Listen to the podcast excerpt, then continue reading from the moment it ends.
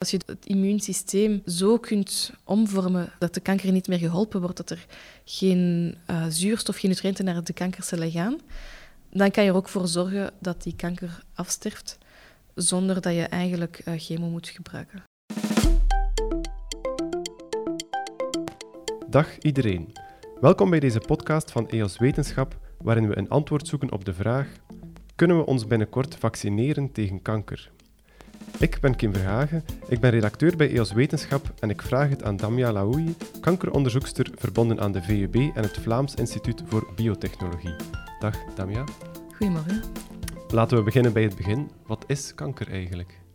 Ja, kanker is eigenlijk een naam die we geven aan een verzameling van ziektes.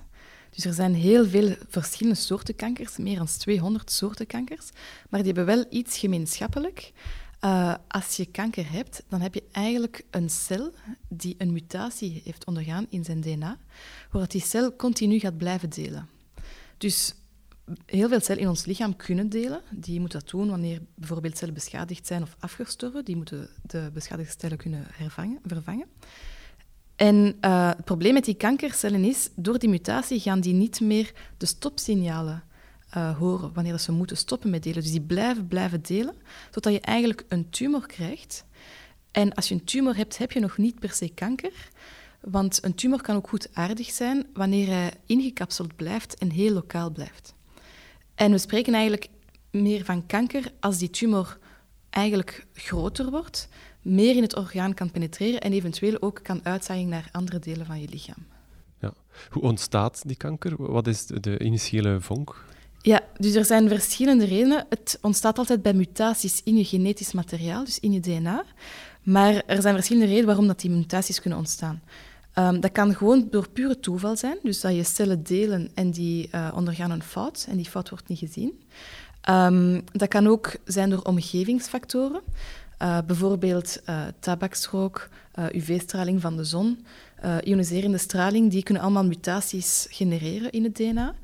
Of dat kan ook eigenlijk genetisch ingeprint zijn in je materiaal. Het kan zijn dat je voor bepaalde genen al um, foutjes hebt dat je gewoon hebt overgeërfd van je ouders. Ja. Kanker lijkt vandaag meer voor te komen dan vroeger. Klopt dat? Um, dat klopt. Het is wel zo dat we de, vandaag ook veel beter kunnen diagnosticeren. Dus we weten ook nu veel beter hoeveel mensen kanker hebben, terwijl dat we dat 100 jaar geleden niet deden. Um, maar het is zo dat kanker eigenlijk geen nieuwe ziekte is. Hè. Er is altijd kanker al geweest. Er is al, uh, door de Grieken werd kanker beschreven. Um, maar een van de grotere uh, factoren waardoor dat mensen nu veel meer kanker krijgen, is gewoon omdat de mensen ouder worden. Dus we gaan minder snel dood dan iets anders. Wij blijven leven. En doordat je oud wordt, heb je veel meer statistische kans eigenlijk om die mutaties in je genen te krijgen. Uh, ook hoe ouder je cellen zijn, hoe minder goed dat die zijn in het herstellen van je genetisch materiaal. Dus ouder worden zorgt ervoor dat je meer kanker hebt. En dan zijn er ook andere oorzaken. Um, de vervuiling, um, het feit dat mensen dikker worden in de westerse wereld. Obesiteit is ook gelinkt aan kanker. Dus die factoren kunnen er ook voor zorgen dat wij nu meer kanker krijgen. Ja. Waarom krijgt de ene wel kanker en de andere niet? Of is dat puur toeval?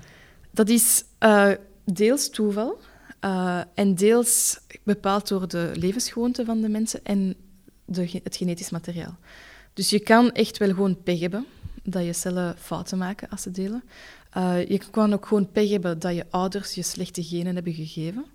Of je kan ook gewoon uh, slecht leven. Als je te veel stress hebt, je rookt, je eet niet goed, dan is je kans veel groter om kanker te krijgen. Waarom is het eigenlijk zo moeilijk om een effectieve behandeling te vinden? Want de strijd tegen kanker wordt al heel lang gevoerd, maar de strijd blijft wel duren. Waarom is het zo moeilijk? Ja, het grootste probleem is eigenlijk dat we kanker niet als één ziekte moeten beschouwen. Dus elke soort kanker heeft eigenlijk een andere therapie nodig. En voor bepaalde kankers zijn die therapieën nu ook wel effectief en kan je die ook bestrijden. Maar uh, doordat kanker zo heterogeen is, um, ja, heb je eigenlijk een heleboel therapieën nodig om kanker te bestrijden. En de heterogeniteit van de kanker ligt eigenlijk in het soort cel waar de mutaties ontstaan en in het orgaan. Ehm, dus de meeste bekende tumoren, de meest voorkomende tumoren zijn vaste tumoren of solid tumors genoemd. Ehm, dat zijn eigenlijk mutaties die ontstaan bijvoorbeeld in, het, in de epiteelcellen, de cellen van je organen, of in het bindweefsel. Dan krijg je bijvoorbeeld longkanker of borstkanker. maar dan zijn er ook bloedkankers en kankers van je immuunsysteem. En dat zijn dan vloeibare kankers, zeg maar. En elke kanker heeft zijn eigen therapie nodig. Enkel, elke kanker gedraagt zich anders. Dus daarom is het moeilijk om nu zo een algemene bestrijding te vinden. Er zijn dus waarschijnlijk heel veel verschillende bestrijdingsmanieren, verschillende wapens tegen kanker. Wat zijn nu de meest gebruikte? We spreken vaak van de drie conventionele therapieën. Ehm, de eerste is chirurgie, waar je eigenlijk gewoon ja, kanker een, een operatie gaat ondergaan en het kanker het tumor gaat worden weggehaald. En dan zijn er ook nog verschillende in chirurgie. Je kan dat doen met gewoon een scalpel, maar je kan ook doen met een laser. Of zelfs met uh, koude, dus cryochirurgie, waar dat je uh, de kankercellen door de koude gaat laten afsterven. Um, een andere um, conventionele therapie is radiotherapie. Daar ga je eigenlijk ioniserende straling gebruiken om uh, de kankercellen eigenlijk te vernietigen. Dus je gaat vooral werken op de cellen die heel snel delen en je gaat het delingsproces van die kankercel uh, stopzetten. Um, dat is dan voor de radiotherapie. Uh, chemotherapie is ook een van de drie conventionele therapieën. Daar ga je eigenlijk chemische stoffen gebruiken die ook weer gaan inwerken op die cellen die heel um, snel delen. Uh, dus je gaat specifiek proberen de kankercellen aan te pakken. Het probleem met zowel radiotherapie als chemotherapie is dat die eigenlijk delende cellen aanvallen. En kankercellen zijn niet de enige cellen in je lichaam die delen. Um, je moet soms af en toe weefselschade uh, vervangen, dus nieuwe cellen gaan groeien. Bijvoorbeeld de reden waarom dat, uh, chemotherapie ervoor zorgt dat je haar uitvalt, is omdat je uh, haarcellen blijven groeien en je haar blijft groeien. Um, ik word daar ook heel misselijk van, want de cellen van je darmen worden ook om de zoveel vervangen. Dus het valt eigenlijk elke cel aan die aan het delen is. Die therapieën zijn, zijn vrij hard, die, die, die vallen die kankers echt aan. Hoe komt het dat ons eigen lichaam dat niet kan? Of, of het lijkt toch zo dat ons eigen lichaam, ons eigen immuunsysteem kanker niet aanvalt, zoals het bijvoorbeeld wel een griepvirus aanvalt? Eigenlijk valt ons eigen immuunsysteem kanker wel aan. Hè? Of moet dat toch doen en tracht dat te doen. Dus wat er gebeurt, het grootste probleem dat er is bij kanker, is dat dat ontstaat met de cellen van je eigen lichaam. En het immuunsysteem heeft eigenlijk als doel om iets dat niet eigen, dus vreemde indringers, zeg maar, zoals bacteriën of virussen, aan te vallen. En die kankercellen die lijken meestal heel hard op onze eigen cellen, dus soms worden die gewoon niet herkend door het immuunsysteem. In vele gevallen gaan die kankercellen zich wel een beetje anders gedragen, er anders uitzien door die mutaties, en kan je eigen immuunsysteem die wel herkennen. Dus het kan zijn dat je een heel goede immuunrespons hebt tegen kanker, waardoor ik en jij nu misschien eigenlijk een tumor aan het uh, bestrijden ben en dat we morgen weer helemaal gezond zijn en we nooit gaan weten dat we een tumor hebben gehad. Kunnen we het immuunsysteem ook trainen om dat nog beter te doen? Um, trainen is een moeilijk woord, maar boosten wel. Dus een van de nieuwe therapieën die er bestaat, is een immunotherapie. Um, dat wil eigenlijk gewoon zeggen, je eigen immuunsysteem een boost geven om kanker beter te kunnen bestrijden. Um, en er zijn ook heel veel soorten vormen van immuuntherapieën beschikbaar. Er zijn er meer dan 2000 in studies nu op, op uh, mensen. Um, de grootste, allee, de belangrijkste vormen zijn antilichamen, dus proteïnen dat je gaat gebruiken uh, om je immuunsysteem te boosten, of de cellen zelf. En van die antilichaamtherapie, de bekendste, uh, dat ook nu wordt toegepast bij, bij mensen, is immune checkpoint blokkeertherapie. Eigenlijk wat er gebeurt, is dat in je tumor gaan de soldaten die je tumor moeten bestrijden, zogenaamde T-cellen, die gaan soms afgeremd worden. En die immuuntherapie gaat ervoor zorgen dat die remmen worden uitgezet, zodat die soldaten, die T-cellen, de kankercellen heel goed kunnen bestrijden. Um, dus dat is een van de belangrijkste vormen van immunotherapie dat nu wordt gebruikt.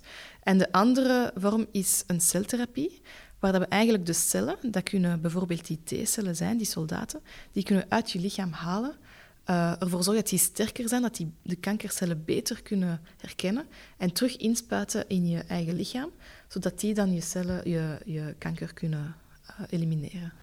Je zei dat immuuntherapie uh, ofwel de remming die op ons immuunsysteem zit uh, weghaalt, waardoor het immuunsysteem terug actiever wordt, of de andere manier is om de soldaten van ons immuunsysteem te gaan versterken. Kan je daar een concreet voorbeeld van geven van hoe dat dan precies gedaan wordt? Ja, um, dus wat er gebeurt in ons immuunsysteem, die soldaten, die gaan getraind worden om kankercellen dood te doen. Of om een virus of een bacterie dood te doen. Dus die gaan heel sterk beginnen delen en heel hard die kankercellen proberen te vernietigen. In het algemeen is dat goed tegen kanker, maar het kan zijn als je immuunsysteem op hol slaat, dat je ook je eigen lichaam gaat beginnen aantasten. Dus er zijn soorten remmen in het immuunsysteem ingebouwd. Die T-cellen die kunnen bepaalde eiwitten op hun oppervlak uitdrukken. En als die dat uitdrukken en die worden gebonden aan een, aan een ligand, dan gaan die cel eigenlijk niet meer actief uh, de vijand bestrijden. Die kankercellen die zijn redelijk slim, die hebben dat door. Die gaan specifiek die liganden opreguleren, uitdrukken, zodat die de remmen eigenlijk gaan activeren van de T-cellen. Dus wat dat we daaraan kunnen doen, is um, stoffen gebruiken die de interactie gaat verhinderen tussen de rem en de activatie van de rem, zodat die rem eigenlijk uh, wordt uitgeschakeld en dat die T-cel continu blijft de kankercel um, bestrijden. De, het probleem dat daar ook bij kan gebeuren, die T-cellen, die kunnen soms wel op hol slaan en die kunnen dan soms ook neveneffecten teweegbrengen, omdat ze dan misschien auto-immuunreacties kunnen uh, teweegbrengen. Dat zijn eigenlijk een van de grootste problemen die je hebt bij immunotherapie. Maar die neveneffecten zijn wel veel minder zwaar dan de neveneffecten die je hebt bij chemo of bij radiotherapie. Dat boosten van het immuunsysteem, dat doet me denken aan bijvoorbeeld vaccins die ook gebruikt worden om bijvoorbeeld uh, griepvirussen uh, te herkennen, om het immuunsysteem te leren om griepvirussen te herkennen. Kan je het daarmee vergelijken? Het, het is lichtjes anders. Wat er eigenlijk gebeurt bij een griepvaccin, is dat je een um, gedode vorm van de virus of een, of een mildere vorm van de virus inspuit bij een persoon. Uh, het immuunsysteem gaat die virus dan herkennen en een geheugen opbouwen, zodat je, als je dan geconfronteerd wordt met de echte virus, uh, niet gaat ziek worden en dat je immuunsysteem die virus onmiddellijk kan bestrijden. Bij kanker is het um, een beetje anders, omdat je niet op voorhand kunt voorspellen welke mutaties je gaat hebben. Dus je weet niet welke soort kankercellen je gaat hebben. Dat is een, een random proces, dus je kan dat echt niet voorspellen. Dus ik denk niet dat je uh, een preventief vaccin tegen kanker kan maken. Uh, die, die bestaan er nu ook nog niet. Er wordt wel naar onderzoek naar gedaan. Um, wat je wel kan verhinderen is uh, virusgeïndiceerde kankers. Want bepaalde kankers ontstaan door het feit dat je een virusinfectie kan hebben, zoals human papillomavirus. Um, en daar kan je dan wel tegen vaccineren, zodat die virus jou die kanker niet geeft. Maar in het algemeen een vaccin tegen kanker, om kanker te voorkomen, um, is er nog niet. Ja. En denk je dat dat ooit kan, een vaccin uh, dat we bijvoorbeeld als kind toegediend krijgen om ons te beschermen tegen kanker in het algemeen of bepaalde kankers? Ik denk het eerlijk gezegd niet. Misschien voor bepaalde kankers zou je het wel kunnen doen als je heel goed weet van die kanker uh, gaat deze immuunreactie teweegbrengen. Dan zou je tegen die immuunreactie een soort um, vaccin kunnen ontwikkelen, dat, dat, dat die immuunreactie op gang slaat. Maar ik denk eerlijk gezegd, dat, dat is heel moeilijk, hè, want alle kankers zijn zo verschillend, dus misschien wel tegen bepaalde types. Ja. Je ontwikkelt zelf uh, een soort vaccin, maar dat dan gebruikt wordt als behandeling. Dus bij mensen die al een, uh, een tumor hebben. Hoe werkt dat vaccin dan? Dus het is zo, eigenlijk in, in een tumor heb je die kankercellen, maar je hebt dan ook de cellen van je, je immuunsysteem, die zitten ook in die tumor. Um, en het probleem is, die cellen moeten je eigenlijk beschermen tegen kanker, maar een heleboel van die immuuncellen um, zijn corrupt en gaan eigenlijk ervoor zorgen dat de kankercellen geholpen worden. Nu, dat is eigenlijk de soort cellen waar dat wij onderzoek naar deden. En toevallig hebben we ook in tumoren een soort cel gevonden die wel nog altijd in staat is om de kankercellen te bestrijden. Een zogenaamde soort dendritische cel. Um, en die cellen hebben we dan eigenlijk gebruikt als een vaccin tegen kanker, maar eerder tegen de uitzaaiingen die door dan kanker teweeggebracht worden of tegen kankerherval. Dus Het idee is dat, stel dat je een uh, patiënt hebt met bijvoorbeeld een longtumor. Die longtumor wordt door chirurgisch uh, verwijderd door de arts. Wij kunnen dan heel specifiek die goede cellen, die goede immuuncellen, isoleren van die patiënt en terug indienen bij dezelfde patiënt als een persoonlijke therapie, zodat die patiënt dan eigenlijk uh, beschermd is tegen herval en uitzaaiingen. Maar voorlopig zijn we nog altijd in het muisstadium, dus dat werkt perfect bij muizen. We zijn nog altijd niet um, in de kliniek. Ja. Betekent dat dan dat als die tumor succesvol wordt verwijderd chirurgisch, je krijgt dat vaccin toegediend, dat je dan daarna immuun bent voor diezelfde kanker? Ja, dat is uh, het idee. Dus ja. je gaat een immuungeheugen opbouwen. En als bepaalde kankercellen nog zouden overblijven, of dat je terug dezelfde kanker, dus terug hervalt van die kanker, dan gaat je immuunsysteem paraat zijn om de eerste cellen aan te vallen zonder dat je dan ziek wordt. Ja. Um, je zegt, het zit nog in het muisstadium. Wat betekent dat? Wanneer is zoiets beschikbaar dan? Ja, dus zoiets gaat eerst via uh, klinische studies, vooraleer het uiteindelijk op de markt komt. Um, voor die klinische studies heb je veel tijd nodig. Uh, je hebt ook geld nodig.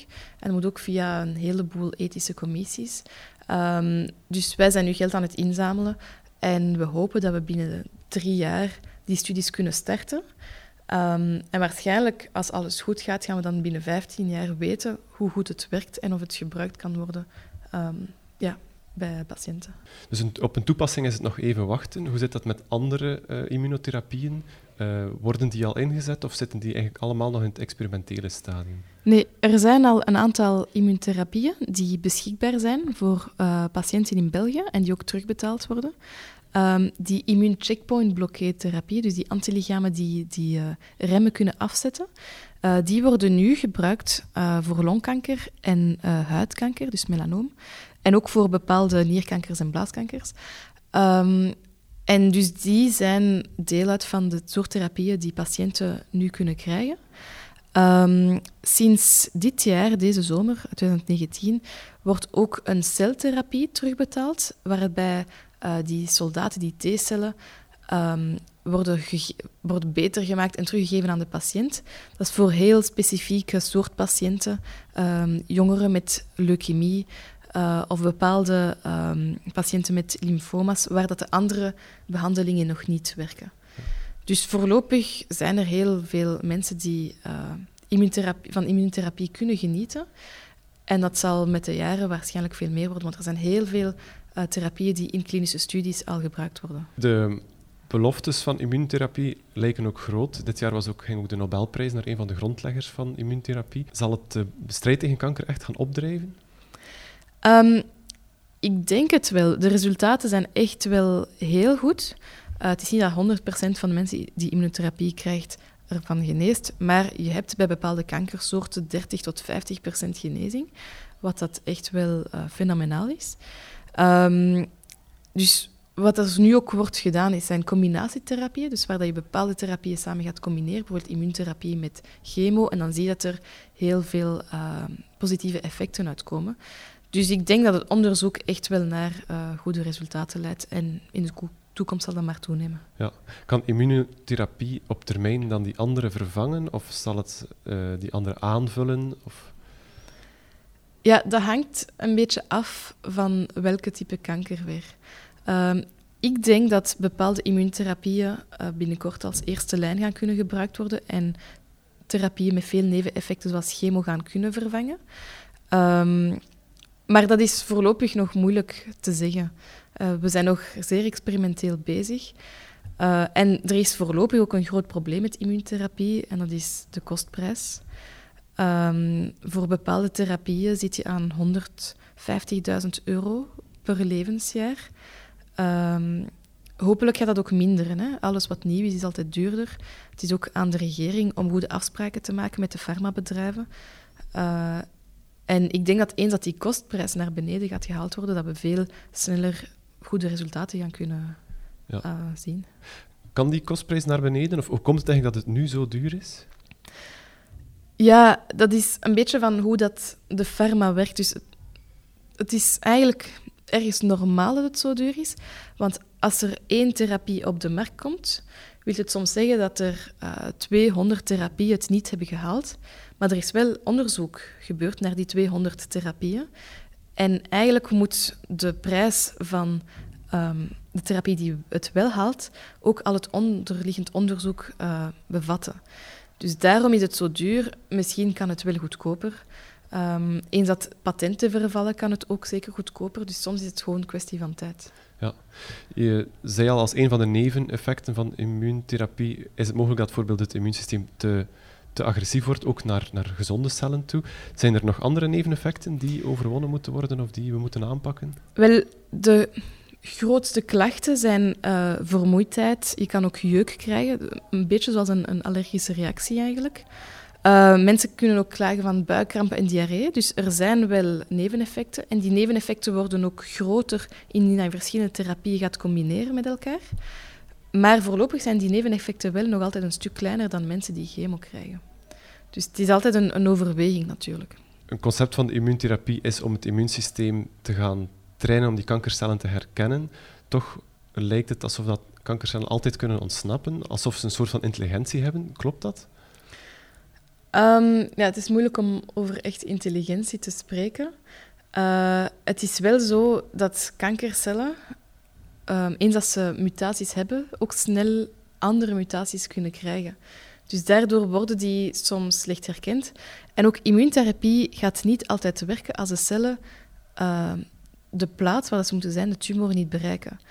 Uh, soms heb je tumoren waar dat er helemaal geen T-cellen of die soldaten aanwezig zijn. En dan kan je die cellen boosten, maar die moeten er natuurlijk nog altijd geraken. Dus dan kan het soms zijn dat je in combinatie met andere therapieën, bijvoorbeeld therapieën die de bloedvaten um, aanvallen, die T-cellen daar wel terug gaat inkrijgen. Uh, dus ik denk niet dat we kunnen spreken over kankercelintelligentie, maar ja, kanker is op zich een, een systeem dat uh, goed het immuunsysteem kan ontwijken. Hè. Ja. Je, je werkt aan uh, nieuwe kankertherapieën. Je ontwikkelt die, ik denk dan vanuit, bijna vanuit concept uh, over labstudies richting hopelijk toepassingen. Hoe, hoe verloopt zo'n zo'n proces? Ja, dat, is voor iedereen een beetje anders. Wij werken eigenlijk op, wij doen fundamenteel onderzoek. Dus wat dat wij probeerden te kijken is van welke zijn de resistentiemechanismen tegen kanker? Waarom vallen uw immuuncellen? Um, jouw kankercellen niet goed aan. En we proberen dat gewoon te begrijpen. En door soms op bepaalde um, aspecten te focussen, ga je plots iets nieuw ontdekken. En dan zie je dat dat een potentieel heeft, een therapeutisch potentieel. Dus dan ga je dat eerst uh, uittesten op uh, proefdieren. Uh, of als het mogelijk is in, in vitro, dus in, um, ja, in plaatjes. Maar als je het immuunsysteem bekijkt, is dat soms heel moeilijk om um, zonder proefdieren te doen, want het is zo complex dat je eigenlijk alle elementen van het, van het dier, van een mens, niet kan recapituleren in een plaat. En als je ziet dat er dan therapeutische effecten zijn uh, op die dieren, dan kan je ook kijken van wat kan ik vertalen naar de mens? Hoe verschillend zijn de effecten die we zien bij de dier, bij de mens? En dan kan je echt wel zien of dat, um, op welke populatie je het eerst gaat uittesten. En um, kan je het zo naar de markt brengen. Hoeveel tijd zit er dan tussen, tussen het, het, het initiële het concept en een toepassing? Dat, is, dat kan heel variabel zijn. Um, bijvoorbeeld die Nobelprijswinnaars die immune checkpoint molecules hebben ontdekt, die hebben dat gepubliceerd in de jaren 90, begin de jaren 90. En die therapieën zijn um, dus ja, ongeveer een 20, 25 jaar later uh, in vrij gebruik, zeg maar. Uh, dus ik denk dat je zeker niet onder de 15 jaar moet rekenen. Soms kan het langer duren. Um, soms moet je gewoon geluk hebben dat iets veel sneller um, ja, therapeutische effecten bereikt. Ja. Wat verwacht je de komende jaren, uh, decennia misschien, aan nieuwe doorbraken in kankerbehandelingen? Um, dat, dat is een heel moeilijke vraag. Ik denk dat we vooral nu kunnen focussen op combinatietherapieën en ook op resistentiemechanismen. Dus waarom beantwoorden, gaan, gaan bepaalde kanker niet werken bij bepaalde therapieën? Um, ik ben redelijk positief en ik denk dat we een heleboel kankers gaan kunnen bestrijden de komende jaren. Dus ik denk dat je, als je er vroeg genoeg bij bent natuurlijk, dat is een van de belangrijke aspecten, diagnose en preventie is enorm belangrijk. Maar als je vroeg bij bent, denk ik wel dat je een heleboel kankers uh, gaat kunnen bestrijden. Zijn die, die toepassingen zoals immunotherapie of die vaccins, is dat de richting waar dat we uitgaan? Of zal chemo altijd nodig zijn? Dat is een, dat is een, subjectief antwoord dat ik je nu ga geven. Um, ik denk dat de chemo niet altijd nodig gaat zijn. Uh, als er is zo een theorie van het zaadje en de grond. Als je kanker vergelijkt met een zaadje en je steekt het in een grond, als de grond je geen nutriënten geeft, dan gaat het zaadje nooit kunnen groeien. Dus als je de omliggende weefsels, het immuunsysteem, uh, zo kunt omvormen dat ervoor zorgt dat er niks meer, of dat de kanker niet meer geholpen wordt, dat er geen uh, zuurstof, geen nutriënten naar de kankercellen gaan, dan kan je er ook voor zorgen dat die kanker afsterft zonder dat je eigenlijk uh, chemo moet gebruiken. En dan op nog langere termijn, en misschien ook een, een, subjectieve vraag of toch een moeilijke vraag, denk je dat we kanker ooit kunnen overwinnen, dat het een, een, een ziekte uit het verleden wordt? Ik hoop van wel. En ik denk het misschien wel, toch voor vele kankersoorten. Het is natuurlijk moeilijk om, om, om dit zo te zeggen, want ja, er zijn zoveel soorten kankers. Um, maar als we zien hoe snel we nu evolueren in de wetenschap en de technologie, denk ik, hoop ik dat we binnen 30 jaar um, ja, dat het veel gemakkelijker gaat zijn, toch voor veel soorten kankers. En dan hebben we met andere ziekten, zoals dementia, um, meer gaan moeten, ja, op meer moeten werken. Ja, oké. Dat lijkt me een, uh, een positieve of hoopvolle boodschap uh, om mee te eindigen. Uh, ik wil je dan ook bedanken voor alle heel interessante antwoorden. Ik wil jullie luisteraars bedanken voor het luisteren. Heb je zelf een vraag? Stel ze dan gerust via www.eoswetenschap.eu of via onze sociale media. Tot een volgende aflevering.